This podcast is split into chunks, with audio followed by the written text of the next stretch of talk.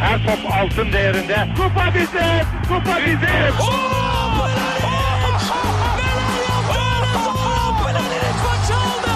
Dengeli de attı. İsabeti de buldu. Matta Fontenay. Zora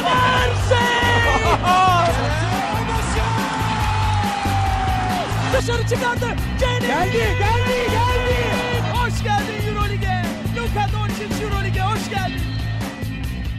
İkili Oyun'un 123. bölümüne hoş geldiniz. Bugün mikrofonun iki ucunda sadece ikimiz varız. Ali Aktin ve Tancan Fümen. Ne haber abi nasılsın?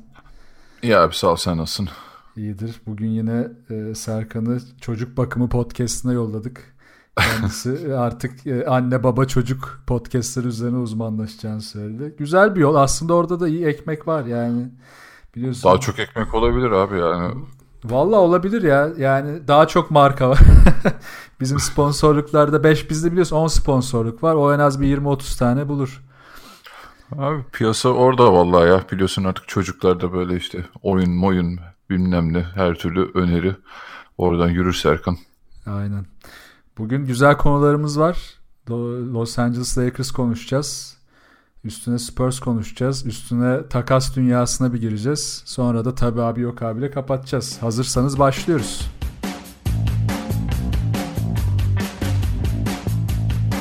TVBU'dan içinde basketbol aşkı olan dinleyicilerimize süper bir teklifimiz var. Google Play ya da App Store üzerinden TVBU Go uygulamasını indirip istediğiniz yerde basketbol Süper Ligi maçlarını anında izleyin. Detaylı bilgiyi açıklamalar kısmında bulabilirsiniz. Lakers'ta başlayalım. Sezona herkesin aslında aşırı yüksek beklentileriyle başladı Lakers. Sanırım bizim aksimize de herhalde birçok kişi ilk 4-5 sırada olacaklarına çok emindi. Biz de tam tersine 7-8'i zorlarlarsa iyi yani 9 civarında bile kalabilirler bir noktada diye düşünüyorduk. Oralara geldiler. Ne oldu abi bu Lakers'a niye olmuyor? ne diyorsun? Abi sakatlıklar boynumuzu büktü. şaka bir ara gerçekten yani o kadar kötü denk geldi ki hepsi üst üste. İşte önce Rondo sakatlandı, üzerine LeBron sakatlandı, üzerine Lonzo Ball sakatlandı falan. Yani çok tatsız oldu onlar için yani tam bir şey çıkış yakalamışken hani o playoff potasında en azından seyrederken şu an işleri bayağı bir zorlaştı. Yani hani Rondo ile Lonzo Ball hadi yine kabul edilebilecek şeyler de LeBron'u o denklemden çekince yani o şeyden e, rotasyondan alınca bayağı bir boşluğa düştüler ki e, bundan da iyi bir e, şey yakalayabilecekler gibiydiler.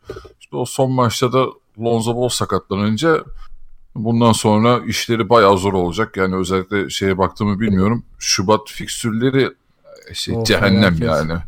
Bayağı yani 10 maçtan 8'i deplasmanda. Yani işte Boston'lar, Philadelphia'lar, Golden State'ler ne ararsan var içinde. Ve Çok kötü bir dönem olacak onlar için. Ball'un dönüşü ya minimum 3-4 hafta civarı gördüğüm kadarıyla. Evet. Rondo dönmek üzere bu arada. Rondo'nun az bir şey kaldı. Hı-hı. Muhtemelen All-Star arasında geçirebilirler ya da All-Star civarında döner. LeBron James iyileşmiş ama hani yine de kasmayalım seviyesindeymiş sanırım o da. Abi ben onun şeyin röportajını okudum. Ee, LeBron'un menajerinin röportajını okudum. Bu yaşadığı sakatlık çok pis bir sakatlıkmış aslında şu açıdan. İlk kez yaşadığında çok sorun değilmiş. 4 ve 8 hafta arasında bir iyileşme süreci varmış. Ama aynı sakatlık üst üste ikinci kez nüksederse çok berbat bir şey oluyormuş onun. Ee, geri dönüş süresi oluyormuş. Halk Ve kalıcı hasar falan da bırakılıyormuş. Yer ediyor yani öyle diyebilirim. Ha, aynen. o yüzden bu çok büyük bir risk şu an LeBron için. Yani kendi menajeri de demiş hani biz kimsenin zamanlamasına uymak zorunda değiliz. Hani tamamen LeBron'un iyileşmesini bekleyeceğiz. O yüzden yani onun söylediklerinden benim anladığım e, ki bu arada şey de demiş hani e, LeBron o ilk 4 haftadaki iyileşme sürecini hani 8 haftalık gibi geçirmiş. Hani 8 haftada iyileşir gibi gelişmiş ama hiç riske girmeyecekler. Bence LeBron bir 4 hafta daha olmayacak o yüzden. Yani olmaması da iyi. Zaten yani şu aşamada evet Lakers taraftarının LeBron James'e gelen ya da işte basının LeBron James'le birlikte büyük bir heyecanı vardı ama zaten e, basketbolun başarı kısmına çok dönemlik bakan bir takım olduğu için Lakers çok da heyecanlanmana gerek yok. Yani LeBron James'i bu yaştan sonra uzun süreli kaybetmenin riskine girmenin hiçbir anlamı yok. O yüzden Aynen. biraz daha e, dönemi kurtarmak yerine uzun vadeli bakmak için de yani onlara bu vizyonu kazandırmak için de faydalı bir sakatlık diyebilirim. Ya takımın tabi sakatlıklar özelinde çok sorunu var. İşte e, ki Lonzo Ball bu arada savunmanın o işte son 10 maçta hatta son 5 maçta defensive rating olarak yükselen savunmanın özellikle en kritik oyuncularından biriydi Lonzo Ball. Ama e, bir yandan da şuna bakıyorum biraz daha istatistiklerin derinine inince evet defensive rating'i toparladı takım. Yani Luke Walton zaten kafayı buna takmıştı. Çünkü hızlı ve geç hızlı oyunları ve geçiş hücumlarını oynamak istiyorsanız iyi savunma yapmanız şart. Bunu herhalde bu programda bin kere falan söyledik. E, bunu oturttu. Ama işte şimdi en kritik parçayı kaybettim ve diğer bütün oyuncular yani veteran olmayan bütün oyuncular o kadar e, isteksiz ve heyecansız ki maç içinde. Yani bazı anlar görüyorsun. Mesela son 3-4 maçı bayağı detaylı izledim Lakers tarafında. Özellikle LeBron James'iz dönemde. Bir 5 dakika geçiyor. Ingram böyle kendinden geçiyor. İnanılmaz bir savunma. Lonzo Ball inanılmaz işte yardımlar, e, recover'lar, işte çembere yakın savunma. İşte Zubac giriyor. inanılmaz bir işte alan kapatıyor. Her şey çok iyi. bir 10 dakikalık sekans başlıyor ki bu genelde 3. çeyreklere denk geldi bu son birkaç maçta. Hiç kimse yok sahada. Sanki o 5 dakika önce oynayanlar onlar değilmiş gibi. Ne Ingram orada, ne işte Hart orada, ne işte Zubac orada. Kimse yok. Ya bunun nedenini ben artık şeye bağlamaya başladım. Yani Lakers'ın sezon başından beri ki bu şeyde biraz hararetlendi ya biz genç oyuncularımızı kaybediyoruz. İşte onları yeterince geliştiremiyoruz. İşte bu özellikle geçen seneki Randall kaybı üzerine e, işte diğer işte D'Angelo Russell'ın Brooklyn'e gittikten sonra performans vermeye başlaması. Ama şunu atlıyor işte Lakers yönetimi de Lakers'ın çevresi de ya demek ki sizin ortamınızda bir sorun var ve Lakers'ın zaten 1997 ve sonrası hani Kobe Bryant ve sonrası döneme diye bakarsak hiçbir zaman çok genç oyuncuları alıp bir yere getirmedi bu takım. Hep dönemlik o yıldızlar topluluğunu, o showtime'ı kurup bir yere geldi ve başarılı oldu. Ve bunda da hep yıldız oyuncuları almaya odaklandı. Zaten 3. döneminde bunun başarısız olunca biraz başa dönmeye ve biraz daha uzun vadeli plan yapar mıyız diye düşünmeye başladılar. Ne yazık ki bu da şu an oluyor gibi değil. Aynen abi o Kobe döneminde de yani etrafına kurduğun yapı hep işte Lamar Odom'lar, Derek Fisher'lar falan hep hani veteran isimler vardı yanında. Onu dediğine katılıyorum yani o açıdan. Abi geçmiş draftlara bakıyorum mesela şimdi. Hemen yayından önce onu açtım. Evet yani genelde zaten e, pozisyon itibariyle ilk turda her, çoğu zaman üst sıralarda seçenekler bulamadılar ama şu dönem daha değerli olan işte 1-20 arası draft seçenekleri gelmişti. İşte 2005'te mesela Andrew, By Andrew Bynum seçimi. Bu tamamen e, fiyasko oldu. 2004'te Voyages seçim var birinci, birinci turun sonunda. Yani e, yani yukarıya çıkıyorum. Birinci tur 19. sıra 2007 Yavaris Kritantum var. Yani şu an nerede olduğunu sorsam kimse bilmiyordur bu adamın. Yok. Yani Tony Douglas var 2009'da 29. sırada. Yani ilk tur seçimlerinden hani şey konuşuyoruz ya hep. Artık büyük takımlar ilk turun özellikle son sıralarına doğru iyi oyuncu en azından potansiyelli oyuncuları bulup onları işlemeye çalışıyorlar diye. Lakers'ın yani 97'den sonraki dönemde hiç böyle bir oyuncu yok. Bir Randall yaklaştı buna. Onun da zaten savunma zaafı her zaman onlar için e, bir sorun teşkil etti. Bir de D'Angelo Russell. Onda zaten e, Larry Nance de aynı sene seçildi. Onları da kaybettiler. Son dönemdeki en başarılı hamle Kuzma oldu herhalde o açıdan. Aynen Kuzma, Lonzo Ball ve Ingram. Yani yine bu şu anki aslında e, genç temel böyle oluştu. Ha tabii yani Kuzma'yı şeyden söylüyorum onu daha diplerden çektikleri için o tam evet. piyango oldu onlara yani. Vallahi abi zaten şu an şeyden de öyle bir beklentim var mı? Ee, şeyden Magic Johnson'dan. Yani o açıdan güvenebiliyor musun ki sen hani böyle bir şey Danny Ainge performansı ben hiç beklemiyorum yani. Öyle bir güvenim de yok yani kendisine. Ya zaten gidip de daha ilk sallantıda koçuna e, tırıvırı yapan bir GM'e ne kadar güvenebilirsin? Ben hiç güvenmiyorum. Yani işte, tabii burada şeye çok yük biniyor ister istemez Luke Walton'a.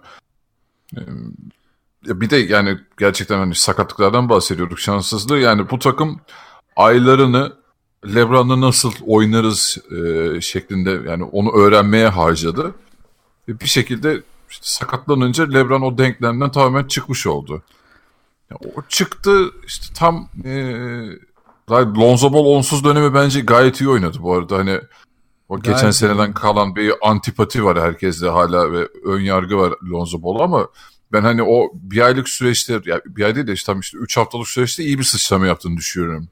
Çünkü abi gerçekten LeBron Kesinlikle. haricinde sahada böyle konuşacak, takımı yönlendirecek ikinci bir adam yok yani şu an Lakers'ta. Ingram o adam değil yani. Ya da ne bileyim Caldwell Pop falan değil yani o. Ya zaten yani LeBron James gittiğinde takımın yaratıcılığı bayağı 3 kuruşa düşüyor. Yani hiçbir şey yok. Evet Ingram'ın Ha, asist sayısı artıyor ama Ingram zaten e, o belirli anlarda inanılmaz bir yaratıcılık göstererek değil. Aslında Luke Walton'ın istediği o rakibin savunmasına göre adapte olan hücum oluşunca zaten ve bunun üzerine iyi bir spacing oluşunca zaten asisti yapmak zorunda kalıyor. Öyle bir ortam oluşturabilse Lakers zaten Golden State modeline geçecekler. Bu arada orada şeyin de etkisi çok inanılmaz oldu. LeBron'dan sonra hani böyle topu elinde tutup takımı takımla konuşacak, ondan onları yönlendirecek bu takımdaki ikinci, ikinci adam da Rondo. evet. İkisi birden olmayınca gerçekten bayağı bir boşluğa düştü takım. E işte üzerine Lonzo gidince gerçekten yani ben beğeniyordum o e, olmadığı dönemdeki performansı. E, ya şu an hiçbir şey yok gerçekten. Yani topu yönlendirecek, paylaştıracak. Yani, e, şeye baktım bu sezonun asist sayılarına. Lakers Lig'in en kötü pas yakan- yapan takımlarından biri gerçekten. Evet. Berbatlar. Sadece iki takımdan dahiller. Houston ve Cleveland. Ya Cleveland zaten ne olduğu belli değil şu an hani yani bu yayını dinleyen 3-5 adamı toplayıp belki kafa tutabilir. Yani. Abartıyorum da yani o kadar kötüler. Houston'da zaten asist üzerinden oynamıyor. Abi zaten bak istatistik tarafına bakınca biraz daha böyle rafine istatistiklere bakınca daha da büyük bir sorun var. Takımın normalde ne diyorduk sezon başında işte bu Beasley'ler, Lance'ler işte e, Meme takımı. ya Caldwell Pop'lar falan ben şey fikrindeydim. Ya bu adamlar geldi tamam ama alacakları süreler belirli olacak. Ya şu an bakıyorum istatistiklere. Bütün kritik istatistiklerde işte savunma tarafında da hücum tarafında da işte for faktörlerde işte e- efficient field gollerde işte ikinci şans sayısı vermede ve almada hepsinde veteranlar tepede. Yani ilk 3-4 sıra veteranlar. Gençlerin hepsi ondan sonra geliyor. Bu da bana şunu gösteriyor ki maçları izleyince de bunu görüyoruz. Ki hatta Luke Walton da bunu izlediğim birçok maçta ısrarla bunu söylüyor. Bizde hustle yok. Ya bu hustle, bu hareketlilik, o işte devamlı force etme, reboundları zorlama, savunmada devamlı dir- e, diri kalma, hareketli kalma bu olmuyor. Yok yani bir isteksizlik var. Özellikle Ingram ve e, bu Hart'ta da çok gözüküyor. Bol bunu biraz açtı. Bunu da şeye bağlıyorum. Yani cidden takımın oyun zekası ki LeBron James olmadığında işte çok düşüyor. E, mevcut tayfada da hiç yok. Gerçekten yok ve rakibe göre kesinlikle adapte olamıyorlar. Spacingleri rakibe göre kesinlikle kuramıyorlar. İşte o yüzden mesela şey konuşuluyor ya e, abi bakıyoruz işte Lakers'ın e, şeyleri e, hücum setleri çok zayıf. Ya zaten Lakers'ın kurmak istediği yapıda hücum setlerinin bir önemi yok. Aslında Lakers'ın bir sisteme ihtiyacı var öncelikli olarak. Bu sistem otursa o hızlı hareketli oyun, doğru spacingli, doğru drive'ların yapıldığı, herkesin ısrarla çemberi zorlayıp doğru şutları yarattığı sistem bir otursa zaten her şey çalışacak ama o yok. Valla bu dediklerine katılıyorum ama bir açıdan da şöyle bakıyorum. Ya bu e, eleştiri yapmanın asıl sebebi bu adamların gerçekten yüksek potansiyelli olması. Cleveland'da aynı eleştiri yapmıyorduk. Orada da LeBron haricinde bir oyun zekası yoktu. Hani Kevin Love falan biraz e, şeyde Orası da veteranlar takımıydı çünkü. Ee, onun haricinde yani Kyrie de Boston'da oynadı. Oyunu oynamıyordu Cleveland'da. Top tabii şeyin e, LeBron'un hakimiyetindeydi. E, orada zaten geri kalanına baktığında öyle bir oyun aklı yoktu. İhtiyaç da duymuyorlardı. LeBron ne zaman vitese basarsa o zaman yükseliyordu o takım.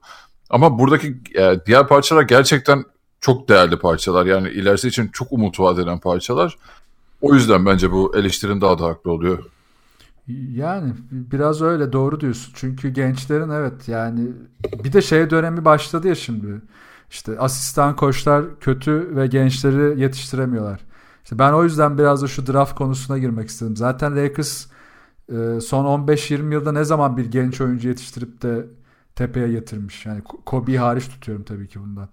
Yani ki Kobe de zaten e, special one seviyesinde bir oyuncu. Yani LeBron James, Jordan ve Kobe bu üçü zaten be- ayrı bir noktada NBA'in tamamen tamamından bile ayrı bir noktada bu adamlar. Zaten hırsları, o çalışma azimleriyle bir bir yere geliyorlar. Şimdi geçmişe bakınca LeBron James'in mesela Kyrie Irving'le yaşadıklarına bakınca senin dediğine paralel işte Cleveland'da veteranlar vardı. Zaten gençlerin bir şey yoktu. Yani Irving de e, sonuçta artık bir seviyeye gelmiş bir oyuncuydu. Burada da aynı sorun yaşanıyor. Yani hiçbir zaman LeBron James o yumuşak geçişi yapamıyor takımlarında. Yani Miami'de tamam veteranlarla oynadı. Orada da gençler hiçbir zaman ön planda olmadı. Ve burada da aynı sorun olursa şimdi bu sorunu sadece koça yüklemek çok zor. Yani tamam koçun bak mesela Luke Walton hataları var. Çünkü Luke Walton mesela en büyük hatası bence şu oldu. Sezon başında Kuzma ile oynatmak istediği kısa 5 çok faydalıydı ama buna çok hızlı girdi. Bunu belki de e, sezon içinde belli anlarda deneye deneye takıma sindirmesi gerekiyordu. Ama tepesinden girince işe sanki Golden State gibi çok hemen başarı sağlayabileceğini düşürüp büyük bir hataya düştü. Takım hızlı oynasa da o kısa 5 oturmadı. Tabi orada da hemen bir sorunlar çıktı, söylenmeler başladı. Hemen değişti. Sezon içinde tekrar bir yapı değişikliği oldu. Ondan sonra çember savunması zaten berbat olduğu için oraya takviye geldi ki o da zaten bir iş yaramadı. Şu anda çember savunmasının toparlanma nedeni Zubac'ın devreye girmesi, alan kapatabilmesi. Üzerine dış savunmanın yani Lonzo Ball'la başlayan üçlüğün dışındaki savunmanın iyi olması ki işte çembere atakların biraz sınırlanması oldu. Ee, Luke Walton hatası bu geçişleri yumuşak yapaması ve LeBron James'i belki de bu yumuşak geçişte oyuncularla doğru entegre edememesi oldu ki zaten LeBron James'i entegre etmen de çok zor. Zaten o kafasındakini yapacak. Onun dışında bir şey sana söyleyip sana geçireceğim abi hemen. ee, oyuncuların, Lakers'lı oyuncuların yani bu mesela Luke Walton'a yazmaz. Bu biraz yapıya yazar. Yani bir kültür olmamasına belki de doğru bir yönetim olmamasına. Oyuncular kendini tanımlayamıyor bence bu takımda. Ne demek istiyorum? Lonzo Ball bu takıma yani çok yüzleri dış şut atarak e, bir oyun yaratabileceğini, hızlı bir oyun içerisinde devamlı asistleriyle takım besleyebileceğini düşünüyordu ama hiçbir zaman şutör olamayacak bence. Ve şunu fark ettikten sonra ya da bunu ona artık Luke Walton mu fark ettirdi LeBron James bilmiyorum. Daha fazla çember atak etmeye başladı. Daha doğru şutlar seçmeye başladı. Savunmasına öncelik vermeye başladı. Ve diğerlerine göre oyununu biraz daha doğru tanımladı. Ama Ingram'a bakıyorsun bu hala yok. Ingram sahada ne yapacağını bilmiyor. Ne zaman drive edecek, ne zaman şut atacak, kime pas verecek, spacing oturdu mu oturmadı mı, savunma ne yapıyor hiçbir fikri yok. Hart Büyük hayal kırıklığı bence. Sezon öncesinde çok iyi of. bir görüntü çiziyordu. Abi sezon başı ile şimdiki arasında ne büyük fark var ya. Değil mi? Yani, yani kafanı vuruyorsun değil mi izledikçe duvarları? Abi yani şey geç bir insan yüzde 43'te üçlük yüzdesinden yüzde 23'e düşer mi ya? Çok ya Abi. o çok kötü yani kafası kafası da değil sorun. Ya oyunu hiç okuyamıyor. Sıfır. Yani oyunu unutmuş gibi şu anda. Ya komple tabii sadece üçlük yüzdesinden örnek, örnek verdim ama her şeyi düştü yani şu an felaket. Aynen öyle. Ya savunması iyiydi. Bak savunmasını ben çok övüyordum sezon öncesinde.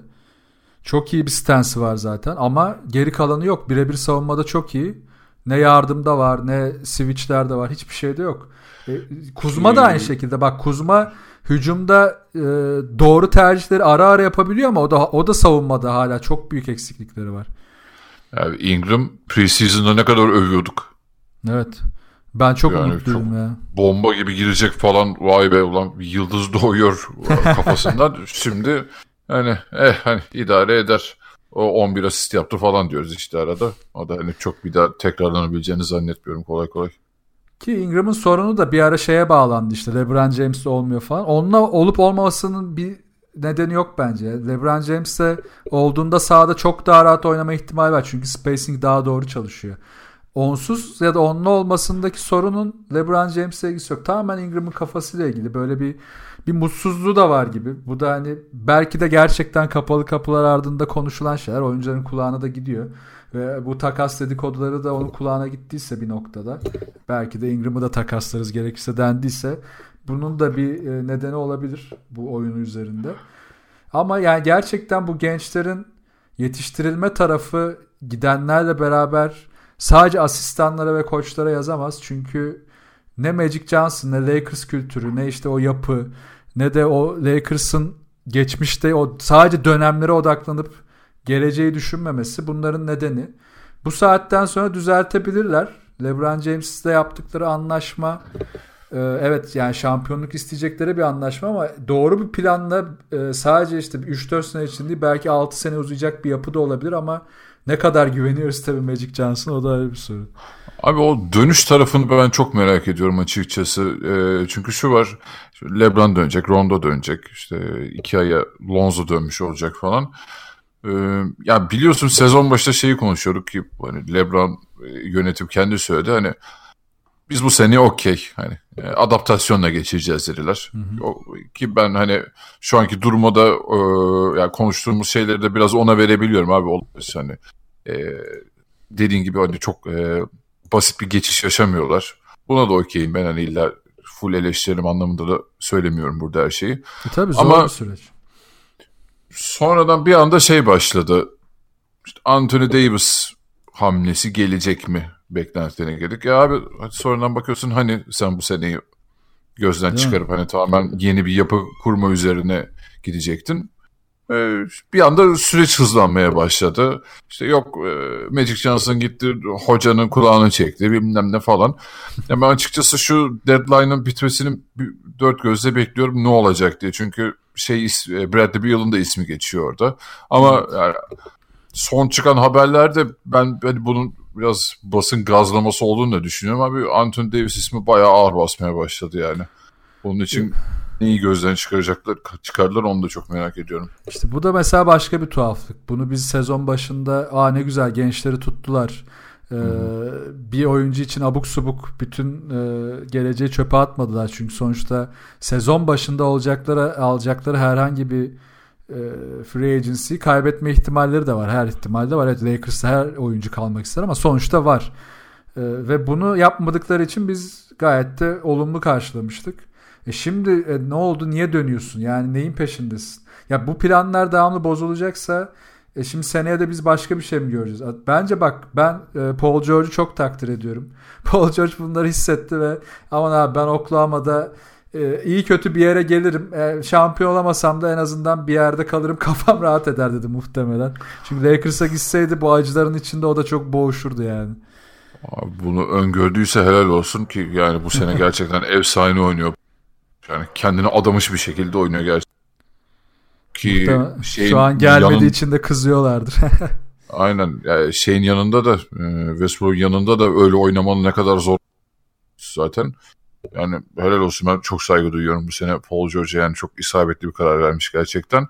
E, tabii bu şeyin de önünü kapıyor şimdi şu e, şimdiki durum.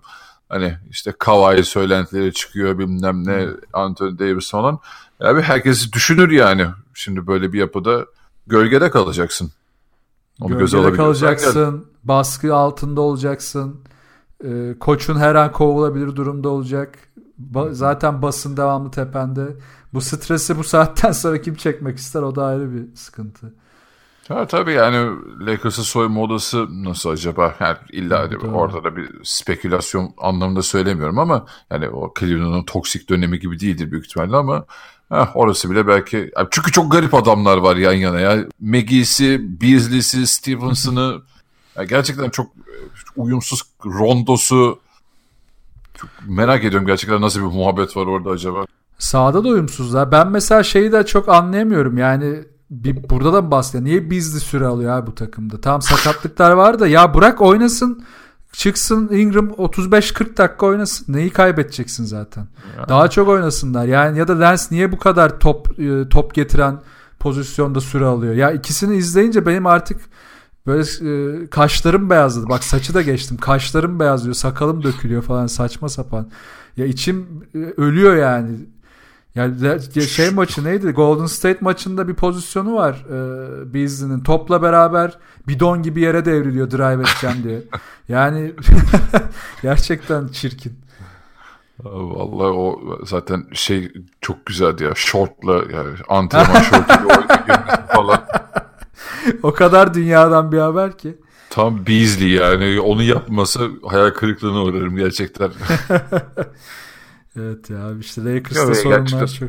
Sezon başında hiç anlam veremediğim bir hareketti bu kadar işte o meme takım oluşturmaları falan yani işin PR tarafına mı ağırlık verdiler yani süre almasak bile isim olarak tutalım mı dediler ne yaptılar ama gerçekten evet. hiçbir mantığa oturtamıyorum ben bu kararları.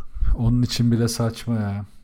Ya gerçekten oraya belki de e, işte development olmaması abi sorun. İşte Brooklyn gidip tutunamayan 2-3 tane genci alıp nereye yatırdı? Belki de Lakers bunu yap desen yapamazsın işte. Bu biraz bizim şeye çok benziyor. Ya taraftar kültürüne ya kimse üzerine alınmasın tabii dinleyicilerimiz arasında ama ya taraftar kültürü Türkiye'deki taraftar kültürü de böyle her sezon başı başlar. Abi bu sene tamam bütçe kısıtlı altyapı gençlik falan deriz. Sezon ortası gelmeden önce teknik direktör kovulur. Ondan sonra e, yönetim istifa eder. E, oyuncular hemen e, yuhalanır. 3-5 tane e, başka takımlara tutunamamış veteran getirilir. İyi kötü sezon biter. Yani Lakers'ın da böyle bu mantıkta olması ve bizim bizdeki Türk Lakers taraftarlarının da bu gaza kapılması beni çok üzüyor açıkçası. Abi onun yapabileceğin tek şey yani evet dediklerine katılıyorum zaten. Hani süreci profesyonellerin eline emanet edip ha belki tabii biz onu anlayamayız ya da hissedemeyiz. E, Lakers taraftarına ya da camiasına e, Magic Johnson çok farklı bir şey ifade tabii ediyor canım. çünkü. Onu biz dışarıdan anlayamayız. Ha, belki onların gözünde çok daha fazla kredisi vardır. Bizim saçma bulduğumuz şeyleri onlar bu adam yapıyorsa bildiği vardır diye görüyor olabilirler. Tabii canım ha, o kesinlikle olabilir biraz şeyden şu an örnek vereceğim. Hani nasıl Fenerbahçeli herkes Obradovic ne yaparsa yapsın ya da e, şey neydi? GM'in adı. Şey, Gerardini. Komoli. Komoli. Hayır Fenerbahçe. Gerardini. yani nasıl bütün camia onlara güveniyor. Onların yaptığı şeyi sorgulamıyor. İşte kötü bir oyuncu alınsa bile bunun altından iyi bir şey çıkabilir diyor. Ya burada da aynı şey yani biraz e, o güven varsa camia içerisinde ya da taraftarda falan Demek ki daha farklı götürebilirler, daha iyi gidebilir o süreç. Ama tabii Los Angeles şehri olduğu için orada orasında çok kaynaması uzun sürmez bence de. Kesinlikle. Ya ama sonuç olarak hani bağlarsak Lakers'ı ben açıkçası playoff yapmalarını istiyorum. Yani ve 7'nin üstünde girebileceklerini düşünmüyorum hala. Yani 7. sıranın üstünde. Çünkü LeBron James ve Lakers'ın olduğu playoff e, her türlü çok daha heyecanlı ve güzel geçecek zaten. Buna kimse itiraz edemez. Ama şu gidişat e, herkes bütün sakatlıklar dönse bile artık işi çok riskli bir hale getirdi. Çünkü Denver kalıcı olduğunu gösterdi. Utah geri döndü. San Antonio Spurs ki birazdan konuşacağız oyunu değiştirdi. E, bu rakipler arttı ve sertleşti. Şimdi e, All Star sonrası ya da playoff'a yakın zaten yine bir Lakers ya da işte playoff öncesi yine bir bütün takımları değerlendirirken konuşuruz. Ama e, onlar için bayağı stresli bir dönem başlıyor. Valla işte dediğimiz gibi zaten şu Şubat ayında e, yani belki iyi bir ritim tutturabilirse Minnesota falan bile onların önüne geçebilir. Onlar tamamen artık bir şekilde şu süreci minimum kayıpla geçip LeBron'un dönmesini bekleyecekler. O zaman kısa bir ara verelim. San Antonio Spurs ve diğer konularla devam edeceğiz.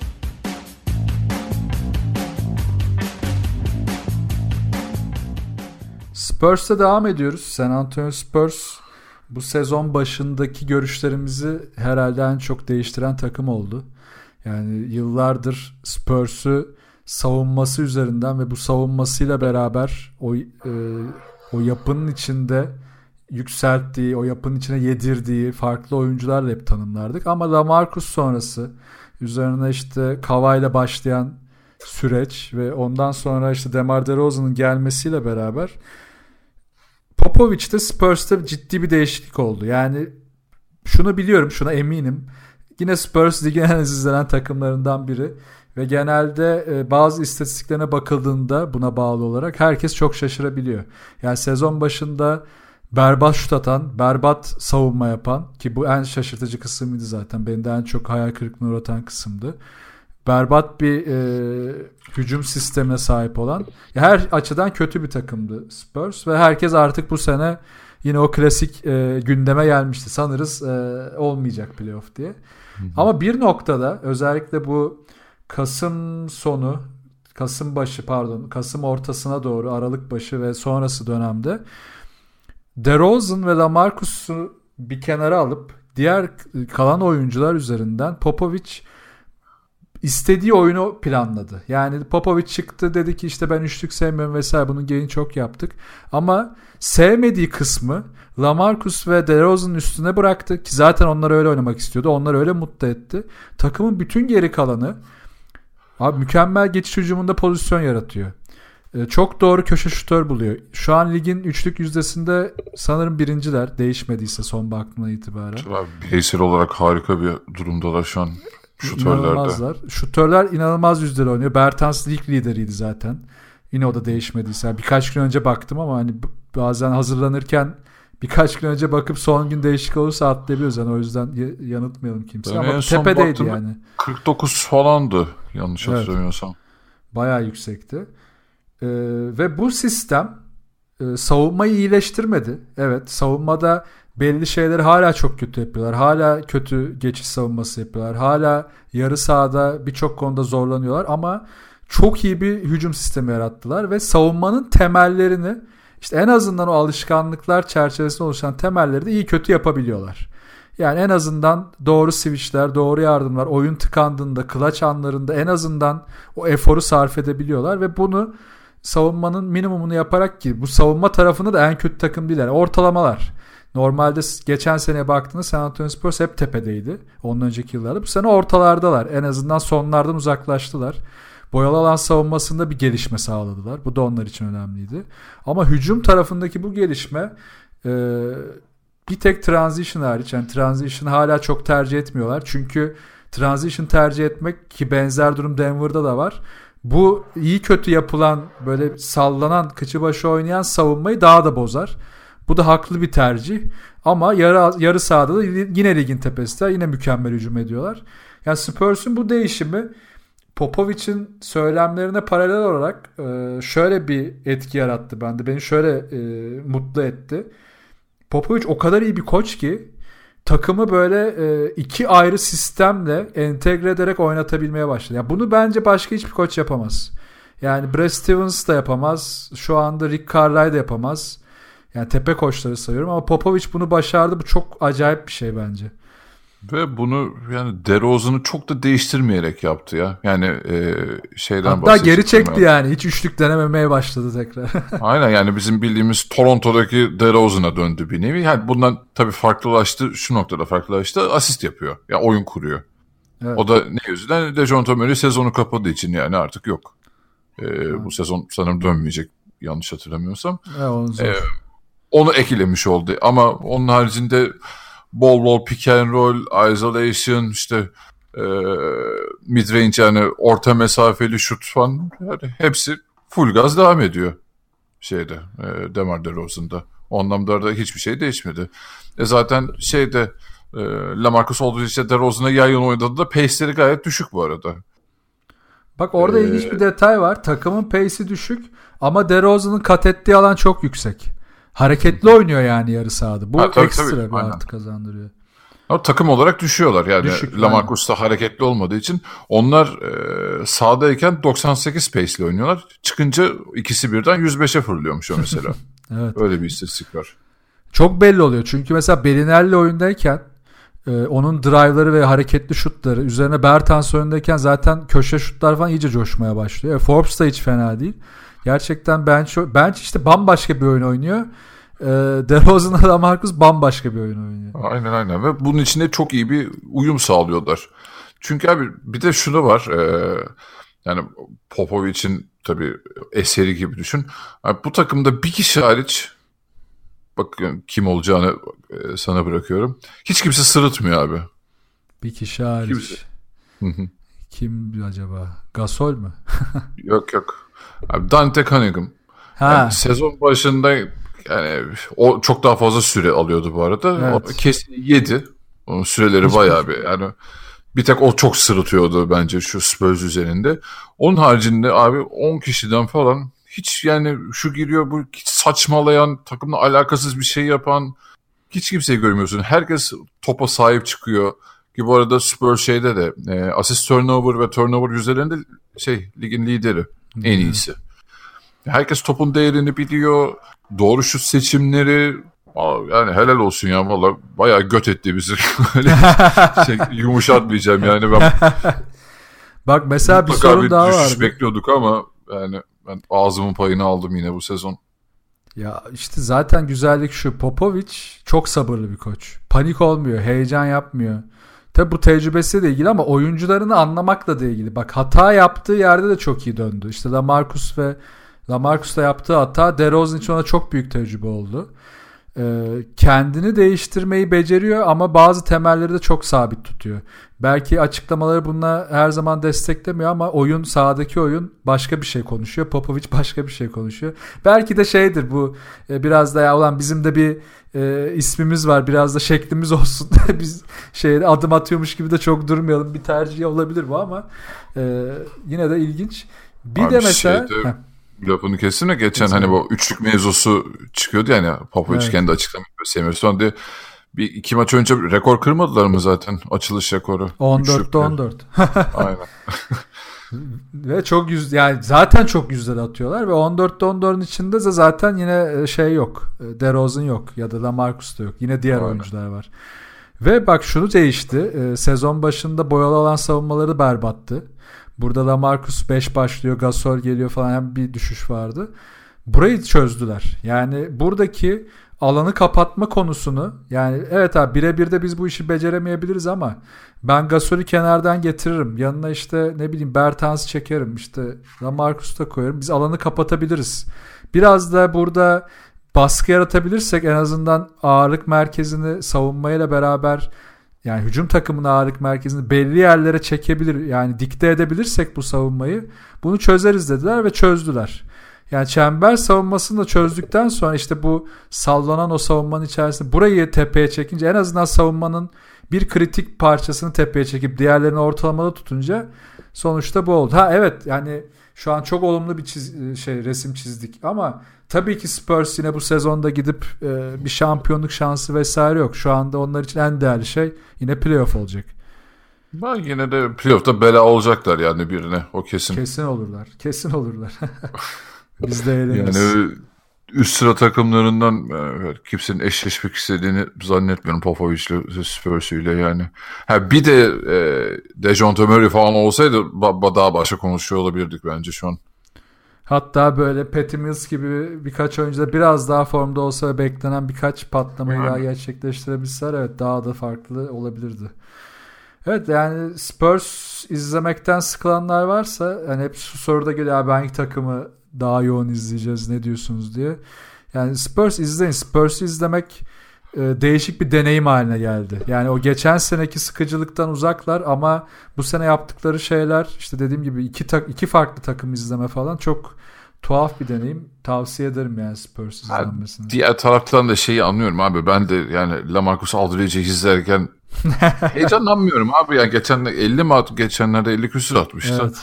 Tamam abi yani o, olabilecek en Lamarcus Aldridge şekilde o bütün sayıların hepsini yani çok özel bir şey izlemiş hissiyatına kapılmıyorsun onu, onu izlerken. O yüzden yani ben bu açıdan sıkıcı bulan varsa da çok anlayışa karşılarım yani o, o kısmını da eleştirmem. Ya öyle canım Lamarcus Aldridge için oyununda hiçbir heyecan yok. Ama bana dersen ki Griffin mi izlemek istersin Lamarcus, Lamarcus Aldridge mi? Ben Aldridge derim. Gerçekten. en azından Detroit- stabil abi ne alacağını biliyorsun yani ondan. Aynen. Ve maçın en azından belli noktalarında progresif bir yapı var. Yani bir yükselme, bir düşme var. Devam bir hareketlilik var. Bir değişken var. Abi Detroit mesela izliyorsun ki konuştuk geçen haftalarda. Hiçbir şey değişmiyor. Her şey aynı gidiyor bütün maç boyunca. Var mı Abi, ekleyeceğim bir şey Spurs'a? Spurs'u sanırım yok abi. Okey. Bu hafta iki takım konuştuk. Bayağıdır iki takım konuşmuyorduk. O zaman konularla devam edelim. Aslında bir takas bölümü var. Şimdi e, farklı konular bunlar aslında ama genel bir takas başlığı altında hepsini konuşabiliriz. Birinci konu da aslında Houston'la başlamak istiyorum. E, biliyorsun Farid'i aldılar. Carmelo'yu yolladılar ama burada Nunnally'i yok yere kaybettiler. Tuhaf bir süreç olmuş. E, kısaca bir onu anlatayım istersen. Tabii. Şöyle Ka- e, Farid'i işte apar topar almak istiyor Houston. Ama bunu almak için de bir oyuncu drop etmesi lazım. Bu arada da şey oluyor. E, Houston'la pardon House'la e, adını unuttum House'un bu arada. Daniel House mıydı? Bu G League'den gelen House. Neyse adını unuttum. House'la e, sözleşme teklif ediyorlar. Önce minimum garanti olmayan bir kontrat kabul etmiyorlar. Sonra minimum garanti bir kontrat öneriyorlar. Onu da kabul etmiyorlar. Neyse G League'e döneceğiz biz diyor menajeri. Daha sonra bir kontrat arayacağız diyor. House'u kaybettikleri için hemen Nanili geliyor. 10 günlük bir kontrat. Danuel House. Hah Danuel evet. Ee, hemen Nanili'yi aldılar ki Nanili de ilk maçta bayağı iyi oynadı. İkinci maçta kötü oynasa da e, söylenenlere göre üstünü ikna etmiş aslında. Ama e, bu işte şey tatil gününe denk geldiği için Amerika'da pazartesi günü de NBA ofisi kapalı olduğu için e, şeyi drop edemeyip e, House'u drop edememişler bu arada. E, Pardon Carmelo'yu drop edemiyorlar. Carmelo işi Evet. kalıyor. Carmelo edemedikleri için Farid'i oynatamayacaklarını anlıyorlar.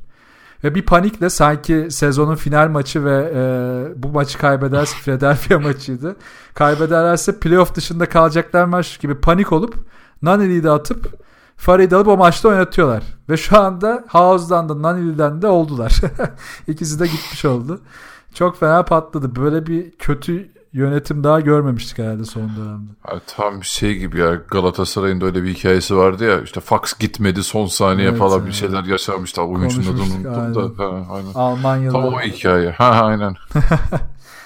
O Arsenal'de olan bizim Nunnally oldu ya. Şimdi Carmelo tekrar- yine yaktı. Aynen. Carmelo yine zarar verdi abi. Ölüsü Oynamazken bile bile zarar zarar veriyor yani. Gerçekten inanılmaz ya. O arada zaten artık gündeme bile almayı düşünmediğimiz Carmelo'da işte böylece adını anmış olalım diye bu haberi aldık. Yani Houston'ın zaten bu sezonki bu, bu panik hali kadronun zaten kısıtlı olması. Ya House da bu arada çok iyi bir savunma katkısı verdi. Naneli'den o savunmayı almaları zor. Tabii ki vere, ya hücumda stabil bir şut katkısını verebilir ama House'u yani biraz çıkıp üstüne tutabilirlerdi belki de. Bilmiyorum. O da kötü bir karar olmuş. Abi. Houston zaten çok undersized bir takım kaldı ya. Gerçekten yani fiziksel olarak çok yetersizler. Ne kadar iyi oynarsan oyna. Yani Nunnally de olmazdı oraya bence. Ya şu an en büyük korkum şu e, Tucker da her an sakatlanabilir. Yani şu an adam sahanın her yerini savunmak zorunda. E, ilk 5 çıkmak zorunda kalacak ki Farid'in de zaten belli bir yere kadar potansiyeli var. Ki Brooklyn'de bile şans bulamıyorken Houston'da yapabilecekleri de kısıtlı olacak. Ondan ne bekleyecekler onu da zaten anlamadım. Ama Tucker bu süreçte umarım sakatlanmaz. O da sakatlanırsa zaten Houston Abi. için geçmiş olsun. Çok daraldığı için şu an kadro ve rotasyon yani geri kalan herkesin sakatlık riski çok daha. Harden da dahil buna yani. Tabii canım. Onun kesinlikle. üzerindeki bir şey de artıyor. Yıpranıyor herif abi. Sürekli 50 sayı ortalaması nereye kadar götürebilirsin yani? Yani her maçtan sonra buz dolu şeye girmen lazım yani. Başka türlü o ağrıları atamazsın. Ki Allah'tan teknoloji gelişti de o yenilenme aletleriyle çok hızlı Yani toparlayabiliyorlar. buzdolabı gibi giriyorsun içine falan. Aynen. Çok özeniyorum onlara ya. Bizim maçlardan sonra dizim ağrıyor benim artık yaşlandım. Ya biz işte jelli çektiğindeki buzlardan koyuyoruz. Biz a- fakir aynen. şey. Tam fakirlik. Bunun üzerine tabii bir takas saçmalığı daha yaşandı. Bunu da istersen sana bırakayım. Dennis Smith Jr. Ha.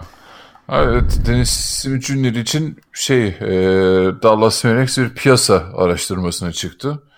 E, hani karşılığında ne alabiliriz diye. Bu süreçte adamı küstürdüler. Ve Dennis Smith Jr. neredeyse kaç bayağı bir süre oynamadı. Yani Neden bunu bu oynamadığı kadar da anlaşılmadı falan böyle. ha yani işte sırt ağrısı diye Beli tutulmuş. kaç maç kaçırdı. Ha bu arada Dennis Smith benim fantezide vardı. Sen daha çok küfür ettin. Yani hiçbir şey alamadım. Hep injured, hep injured. Mesela sakatlıktan dönen oyuncular şey olur işte game time decision falan gibi şeyler olur. Zart diye healthy'ye geldi herif. Sağlıklı oldu yani. Mucizevi bir şekilde. Tam da o haberin çıktı gün. Tamam satmıyoruz hani şey. E, alıcı bulamadık. Kal abi takımda. Ya bilmiyorum o bana da şey ya Kuba'nın orada bir parmağı var mı ama çok kötü yönetilmiş bir süreç yani. Herifi küstürdün şimdi şey geleceğe dair bir şeyi de yoktur adamın. Ee, ya takım olan inancı da sarsılmıştır. Ya en başında zaten konuşmuştuk ya Mark Cuban çok gaz abi. Yani bu sürece girerken kötü yönetici o kadar belliydi ki. Yani Cuban gazı diye bir şey var. Ve Cuban bu hataya her sene düşüyor. Ve şimdi belli ki yine heyecanlandı. Aynısını Chandler Parsons döneminde de yaşamıştı. A- anlamsız bir heyecana girip o dönemde de çok yanlış kararlar vermişti. E şimdi yine Doncic'de o heyecanı yaşayıp yine bir panik havası yarattı. Aynen abi. Tam şey Doncic'i koyduk mu baba? Oh sat diğerlerine. Hani Sat sat sat başka, diye. sat, sat, başka parçalar alalım hemen bunları. Tam o gaz yani. Bir de bak Rick Carlisle'ı da zor durumda bırakıyor. Rick Carlisle gibi oyuncuların üzerinde çok ciddi bir e, otoritesi olan e, ve belli bir karizma seviyesinin çok üstünde olan bir koç. E, Şimdi Dennis Smith Jr. hep özür diledi. Ya tabii Heh, ki bu Aynen. Yani şeyi düşürmez. Muhtemelen hani Dennis Smith Jr.'ın ona bir saygısı falan düşmeyecektir ama sonrası için gelebilecek potansiyel yıldız oyuncular için daha güçlü, daha e, üst seviye oyuncular için yani koçla didişme potansiyel olan oyuncular için bu çok kötü bir örnek. Abi bir de şu var. Sen zaten takımında şey sorunu yaşıyorsun. DeAndre Jordan tamamen kendini oynuyor. E Bak Ya onu da bırak onunla da yapsın? dediler. ha, ha. Dennis Smith Jr. ne yapsın o zaman? E, o da kendi statine kalsın abi. E, herkes kafasına göre takılsın o zaman yani takımda. Ki bak Dennis Smith Jr. şeyde de e, aslında övdük ve doğru bir yoldaydı. Biraz biraz oyununu değiştirmeye başlamıştı. Zaten seninle beraber şaşırdığımız konu da olmuştu biraz. Bu toparlama başlamışken neden aniden bu kadar? Acaba geleceği mi artık parlak görmüyorlar gibi konuşmuştuk. Yok tamamen panik haliymiş ve olan bir şey düşürür müyüz bu takas ortamında diye. Yani Ya- hazır değerliyken işte ışık vermişken satalım. Yani, yani süreç olarak beni çok şaşırttı ve üzücü yani bence. Yok gerçekten üzücü. Şimdi bir takas konusu daha var. Ee, o da son birkaç günde çıktı sanırım. Ee, Conley ve Gasol. Memphis. İki senedir anlamsızca her sene çok acayip işler yapabileceğini düşünüp ki iyi de başlayıp ki yine ekliyorum savunma olarak sezon başında herhalde NBA'de son birkaç yılın gördüğü en üst seviye savunmayı yaptılar. Ama bunun sürdüremeyeceği de çok belliydi. Yani güç olarak da fizik olarak da hücumdaki eksiklikler olarak da bir yere kadar gideceği belliydi. E bunu biz görüyorken birçok basın görüyor, mensubu görüyorken birçok taraftar bile görüyorken Memphis ne istedi ne planladı da konu buralara geldi. Neyin gazındaydınız? Yani geçen sene Tamam Fizdale'ı belki yönetim de sevmiyordu. Tamam bir e, bahane oldu gitti. Hani işte Gasol konusu ortaya atıldı ki o zaman da demiştik. Yani Gasol'ü uzatacak mısınız ki zaten Gasol istediği için koç gidiyor bu takımdan diye. Tamam olabilir onu bile bir mantığa oturtabiliriz. Peki bu sezon neyin gazıyla başladınız? Şimdi niye vazgeçiyorsunuz? Bu oyuncuları yollasanız 3 sene 4 sene içinde yine bir yere gelemeyeceksiniz. Ya bir kötü yönetim örneği daha Memphis sanırım. Yani Ocak ayının sonuna gelmişken bu mevzunun açılması abi sen sezon başında yap yani sezon sezon yap planlamalı. Sezon ortası geçtikten sonra niye bu işe kalkışıyorsun ya? Ki işte geçen sene dediğin gibi yani Memphis yönetimi abi tamam biz Gasol'le devam edeceğiz dedi. Fizdale'ı yolladı. Tamam hani belki şey de olabilir Fizdale hani e, çok uzun planlı olarak da düşünmemiş olabilirler onlar koşluk olarak. Ona da Olabilir okeyim tabii, de. mantıklı. Yani bu saatten sonra ne bekliyorlar? Abi Gasol karşılığında gerçekten şimdi piyasada ne alabileceksin? Evet, şimdi zaten çakal doluşacak piyasa. Tam böyle donanım haber forumuna dönecek. E, zaten artık e, son, son 3-4 yıldır bu çok ortaya çıktı. Yani piyasaya sen vermeye çıktığın zaman al, alma gücün düşüyor. Yani sen vermeden o alma piyasasını oluşturabilirsen tamam istediğini koparıyorsun. Ama diğer türlü çok düşüyor. Ha şu anda bak mesela hani senaryolara da bakmak istesek mesela senin Boston'la çok güzel oturmaz mı Gasol bir yandan da? Aynen abi. 3'e 5'e kapatsanız şöyle. Bugün maça gelmeden önce yoldayken bir anda aklıma geldi. Yani hem savunma yapısı olarak, kafa yapısı olarak, kişilik olarak e, yani Boston'ın şu anki durumuna baktığımızda da hani takım içerisinde böyle bir yeni bir veteran figür olması falan yani cuk oturur yani. El Horford'un da işte artık eskisi kadar e, yani biraz bu sezon sakatlıklarla boğuşması vesaire derken hani Yükün onları olur. belki aynı yük alması birbirinden uzun rotasyon falan ki bir de şey var biliyorsun Boston'ın e, şey rebound problemi de var. Evet. Bilmiyorum ya, ona, ben- ona da benim- çok katkı yapabilir. Ki rebound konusunda ara sıra sallansa da Gasol'ün istediğinde iyi bir reboundçı olabileceğini gördük birkaç kere. Yani şey işte Boston'ın da bu sezon elinde first round yani ilk turda dört tane pick hakkı olduğu için yani Memphis için şu an verilebilecek en iyi şey pick zaten. E, tabii canım. Yani yanına da belki göstermeli şey e, bir oyuncu falan da ekleyebilirsin ama elinde çünkü çok şey var. E, adam var Boston'un. Bilmiyorum hemen kafamda o takası gerçekleştirdim. Ya genç bir oyuncu vermeden alma ihtimali olan her takım için çok değerli ki dediğin gibi Memphis'in de işine gelecektir. Yani tak, draft hakkıyla alabilmek özellikle Gasol tarafında hem yaşı itibariyle hem de e, bir sonraki kontrat verip vermeme de şimdi biraz e, kritik olacak. Ne kadar isteyeceği de e, şu an şaibeli. Ama He, mesela tabii evet o da var. Aynen. Tabii Kanli tarafı biraz daha değişik. Yani Kanli'nin daha verebileceği şeyler var ki sakatlıktan sakatlık süreçlerinden çıktıktan sonra en sağlam gözüktüğü dönemde. Onun biraz daha piyasası daha değerli gibi ve şu anda kısa sorunu çeken de çok takım var. Onu kime yakıştırırsın? Ona ben Spurs'e yakıştırırım mesela Kanlı'ya. Spurs direkt zaten ilk akla gelenlerden biri. Yani o da mental olarak, kafa olarak falan e, çok yakışır. diğer taraftan Suns da yana yakla arıyor zaten. Evet. Onlar da gözden birkaç bir şey çıkarabilir Kanlı için. Hmm, Sans da yine olan şüphelilerden. Böyle sürpriz bir hamle yapabilirler mi acaba? Mesela Bucks'tan bir şey çıkar mı ben merak ediyorum. Ya da belki New Orleans son bir e, şey hamlesi hmm. yapar mı? Davis için başka bir hamle kovalar mı? Ya da ne bileyim biraz daha uzun vadeli bakabilecek işte. Mesela New York Knicks elinden çıkarmak istediği oyuncular var. Tabii bir yandan e, Kyrie Irving muhabbet her zaman dönüyor ama bir yandan da işte Tim Hardaway'i falan filan verip ki Memphis hmm. için de ideal olabilir. Olur. Yani onu drop edebilirler bir sonraki sezon ya da işte kontrat vermeyebilirler. O tip bir takım da peşine düşebilir gibi geliyor bana. Yani şu an böyle e, daha orta seviyelerde kalmış takımlar için ya da yani Suns tabii o daha ekstrem bir örnek ama yani Pelicans'a mesela oraya da çok yakışır ama e, Pelicans karşılığında hiçbir şey veremez Kanlı'ya. Yani ellerinde bir şey verebilecek hiçbir şey yok. Değer yok çünkü. Ee, yani evet, Kanlı'nın gidebileceği takım sayısı çok daha fazla ya. Yani en az 4-5 takım bence peşine düşer. Ee, Güzel tabii. bir önerim daha var. Bence Rubio'nun hmm. kaç senesi kaldı bilmiyorum ama bitiyor mu acaba bu sene? Hatırlayamadım şu anda ama umarım bitiyordur ve Utah Jazz'da peşine düşer. Çok güzel oturur Utah'da. O direkt kafa kafaya takaslamazlar bir abi Rubio. Yok kafa kafaya değil de Rubio'nun içinde olduğu bir senaryoda belki işte tak, e, draft hakkı Rubio yanına da rotasyondan biri belki bir de future işte draft hakkı gibi ki Utah Jazz yapısı içinde çok faydalı ilaç olur. Ya. İlaç olur Utah vallahi. Bak o zaman Boston e, Gasol diyoruz. Conley'de Utah mı? yani Utah ya da Spurs. Değil mi? En güzelleri onlar gözüküyor şu anda. Neyse Bu bakalım. arada şeyi de ben e, düşündüm.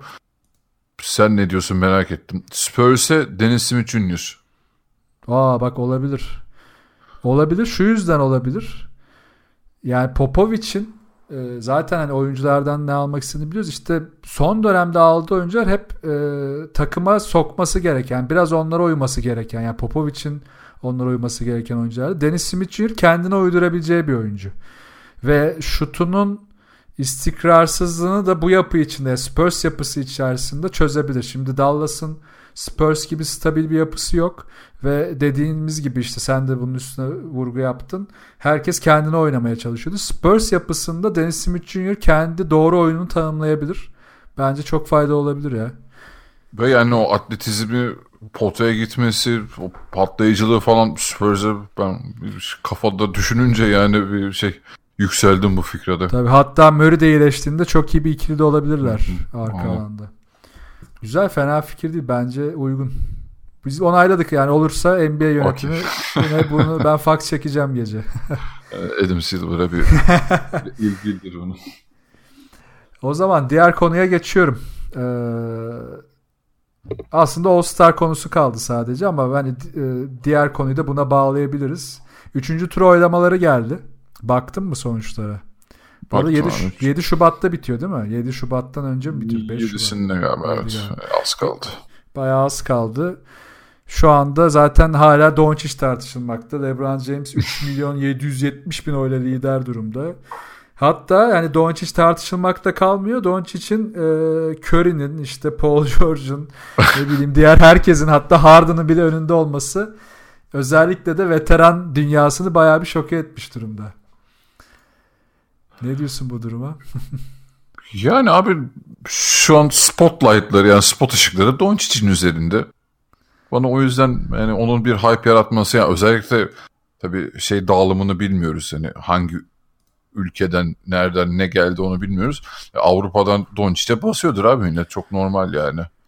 Ben böyle Ama şu... bunun şey olması e, hani bunun bir saygısızlık böyle ya da bir şok olması ben ona hiç katılmıyorum. Evet saygısızlık konusuna işte araya alacaktım. Şunu anlamıyorum diye. Tracy McGrady açıklama yapmış. İşte Luka Doncic'in Curry ve Durant gibi oyunculardan daha çok hayran oyu toplamasının saygısızlık olduğunu söylemiş. Ben de Tracy'cim ne diyorsun demek istiyorum kendisine. Yani e, halk tam e, o ağırlık değişti. %50 halk oyu geri kalanı %50'si e, farklı olacak ama orada şöyle bir algı oluşabilir. Lan zaten halk Doncic'e verdi. Diğer işte e, basın ve oyuncular mıydı? Basın ve GM miydi? Karıştırdım orayı da şimdi. Basın ve ne oylarıydı diğer %50'de? Oyuncu. Oyuncu ha, tamam. Yani diğer e, bu %50 bundan etkilenip Doncic'e oy vermeyecek mi yani? Bu ne kadar anlamsız bir açıklama.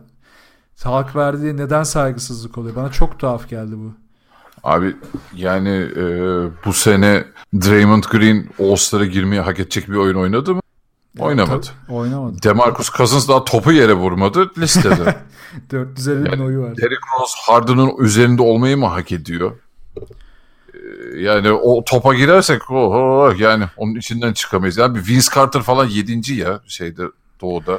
Abi kesinlikle bak daha tepede zaten daha çok sorun var. Doncic e, zaten bak bu yaştaki oyunuyla çok büyük bir etkili, etki sağladı. Sen şimdi Doncic'e atlayıp Derrick Rose, Russell Westbrook bu sene o da formsuz başladı. Clay Thompson, Damian Lillard, DeMar DeRozan ya bunlar tepelerde oylar almışken bak Adams aşağıda yok hiç aşağıda. Yani bunlar çok daha önemli roller sahiplendiler. Daha kritik oynuyorlar. Yani Derrick Rose romantikliğinin aldığı oy okey de Doncic mi saygısızlık ya da Green'in aldığı oy tamam da Doncic mi saygısızlık? Bu, bu çok ilginç ya. Demek Dwayne Wade'e saygıdan mı oy verilmiş yani? Heh, Dwayne Wade yine doğuda doğuda bakarsak aynı şekilde yani Wade var. Başka yani bakıyorum. Kemba'dan daha mı iyi oynadı Dwayne Wade bu sene? Dedi Ben Simmons'dan daha mı iyi? Oladipo'dan daha mı iyi?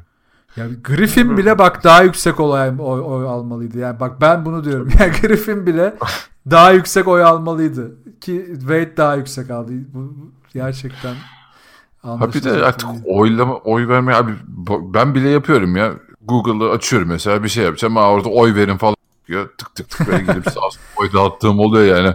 Hmm, dur kim daha adam, kim daha saygıyı hak ediyor falan gibi böyle bir tribe girmiyorsun abi. Yani herkes her yerden oy yağdırıyor yani.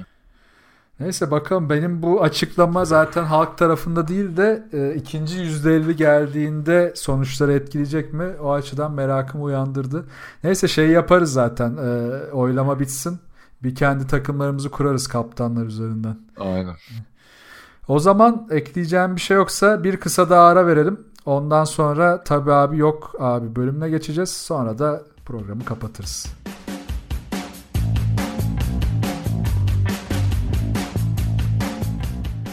Birkaç programdır yapmadığımız tabi abi yok abi bölümüyle devam ediyoruz. Aslında yapmadığımız değil biraz da birikmesini istedik. Bir, tabii her zaman da çok fazla soru gelmeyebiliyor. Yine bekliyoruz bak atlamayın bizi atın. Her yerden atabilirsiniz. Tabii abi yok abi. Hashtag ile Twitter'dan da atabilirsiniz. Bu hafta bir güzel sorular var. İlk ile başla istersen. Ee, Ali Haydar Yıldız sormuş. Brett Brown ligin en kötü 5 koçundan biridir. Hmm. Ya kötü olduğuna eminim ama en kötü 5'i düşününce çok hızlıca düşünüyorum şöyle bir Scott Brooks. Ee, Valla 5'i zorluyor ya galiba bu sene. Yani genel yapı e, genel olarak düşününce belki 5'e koymam ama bu sezonki performansı gerçekten kötü. Onu gerçekten. da söylemeden edemeyeceğim. Yani bu sezon özeline bakarsak belki olabilir. Evet bu sezon özelinde zaten ben düşünüyorum ve takımların durumuna bakıyorum.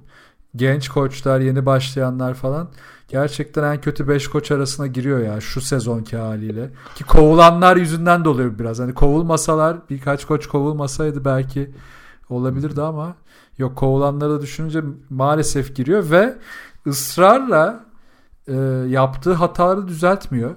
Bilmiyorum Philadelphia'nın gidişi çok karamsar bir şekilde ya benim kafamda. Neyse.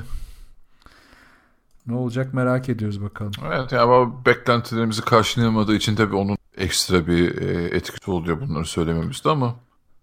Ya tabii beklentileri karşılamama var. Üstüne de bu rotasyon konusu. Üstüne işte oyuncularla oyuncuları hangi aşamada yönetip yönetemedi. İşte bir koç olarak ve GM olarak yönetme arasında kalma durumu var. Ben onu çok hissediyorum. E, rotasyon muhafazakarlığı dedik. Bu hala devam ediyor.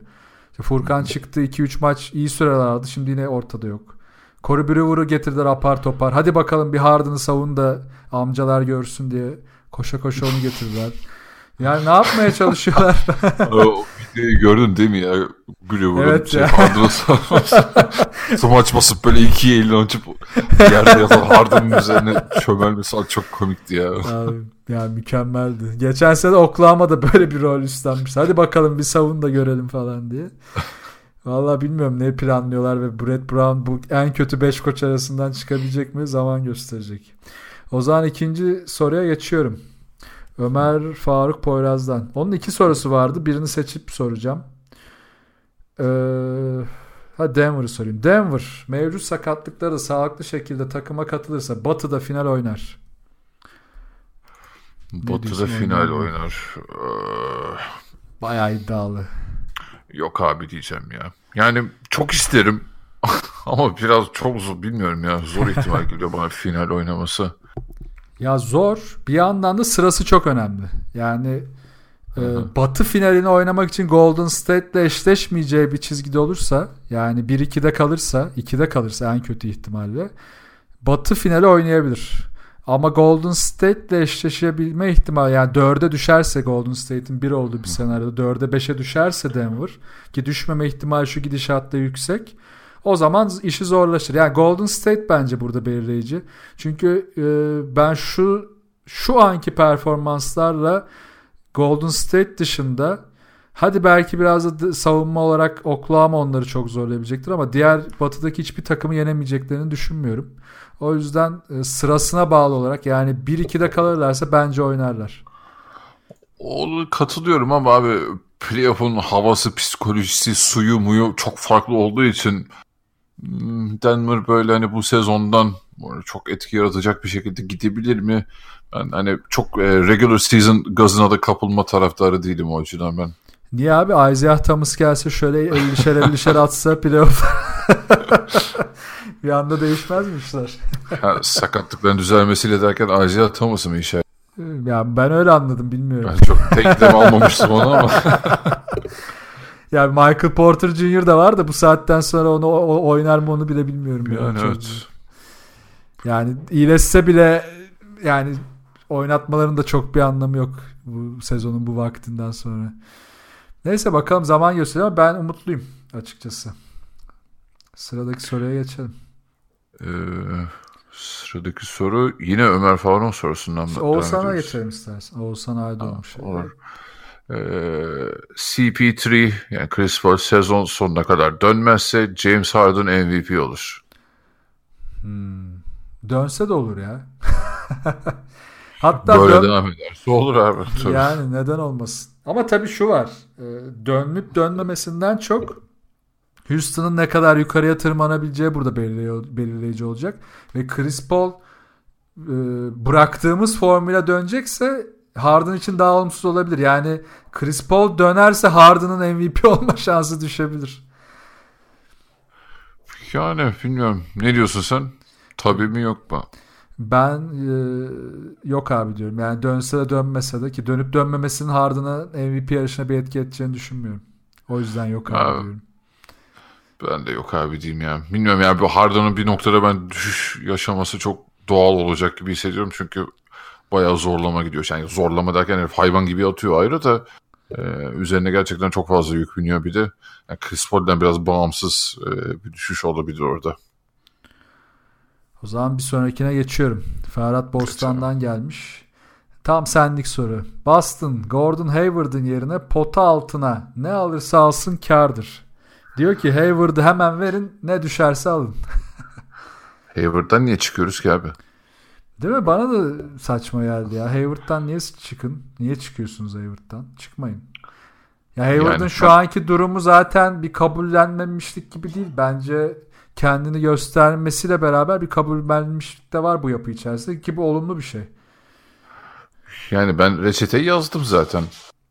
Gasol alıyoruz. Şey, e, Mark Gasol alıyoruz. Onu ne bileyim Ojola'ya verebiliriz yanında. Yabusel falan verebiliriz. İşte. Belki Rozier olabilir bu arada ya. Yani kontrat Hmm. vermeyi düşünmediğini e, umuyorum Boston'ın. Ummadı ya düşünüyorum. Muhtemelen Hmm. istediği kontratı alamayacak Boston'da. Rozier Zor. yanına draft pick'i Gasol için daha mantıklı olabilir. Abi deneyince biraz tanıdıysak bu kadar cömert davranma. Suyunu çıkarır diyorsun. Aynen yani o yüzden ben second unit'ten değil de third unit'ten bir adam artı pick falan verir diye düşünüyorum yani. Ya tabii orada Memphis'in de bakış açısı önemli. Ya bir draft kopartabilirse verebilirlerdi ya. Yani hiçbir şey almadan vermemeyi bence Memphis kafasına koymuş durumda. O yüzden Boston tabii burada güçlü taraf. Boston zaten birçok oyuncu için güçlü taraf. Yani e, Davis için de konuşmuştuk bunu. Yani Hayward'ı verme ihtimali varsa e, Davis seviyesinde bir takas yapabilmeli Boston ki yapar da. Ha, öyle bir paketin içine sokabilir. O da değer. Yani Anthony Davis alıyorsan o paketin içine Gordon Hayward sokmaya değer.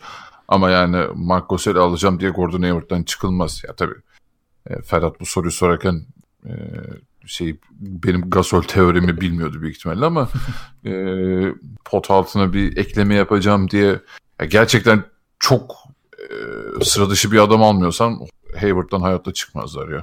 Yani deneyicin yok abi diyorum.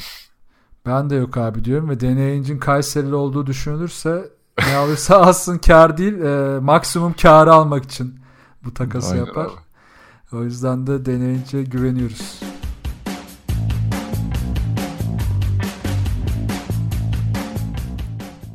TV Bu'dan içinde basketbol aşkı olan dinleyicilerimize süper bir teklifimiz var. Google Play ya da App Store üzerinden TV Bu Go uygulamasını indirip istediğiniz yerde basketbol Süper Ligi maçlarını anında izleyin. Detaylı bilgiyi açıklamalar kısmında bulabilirsiniz.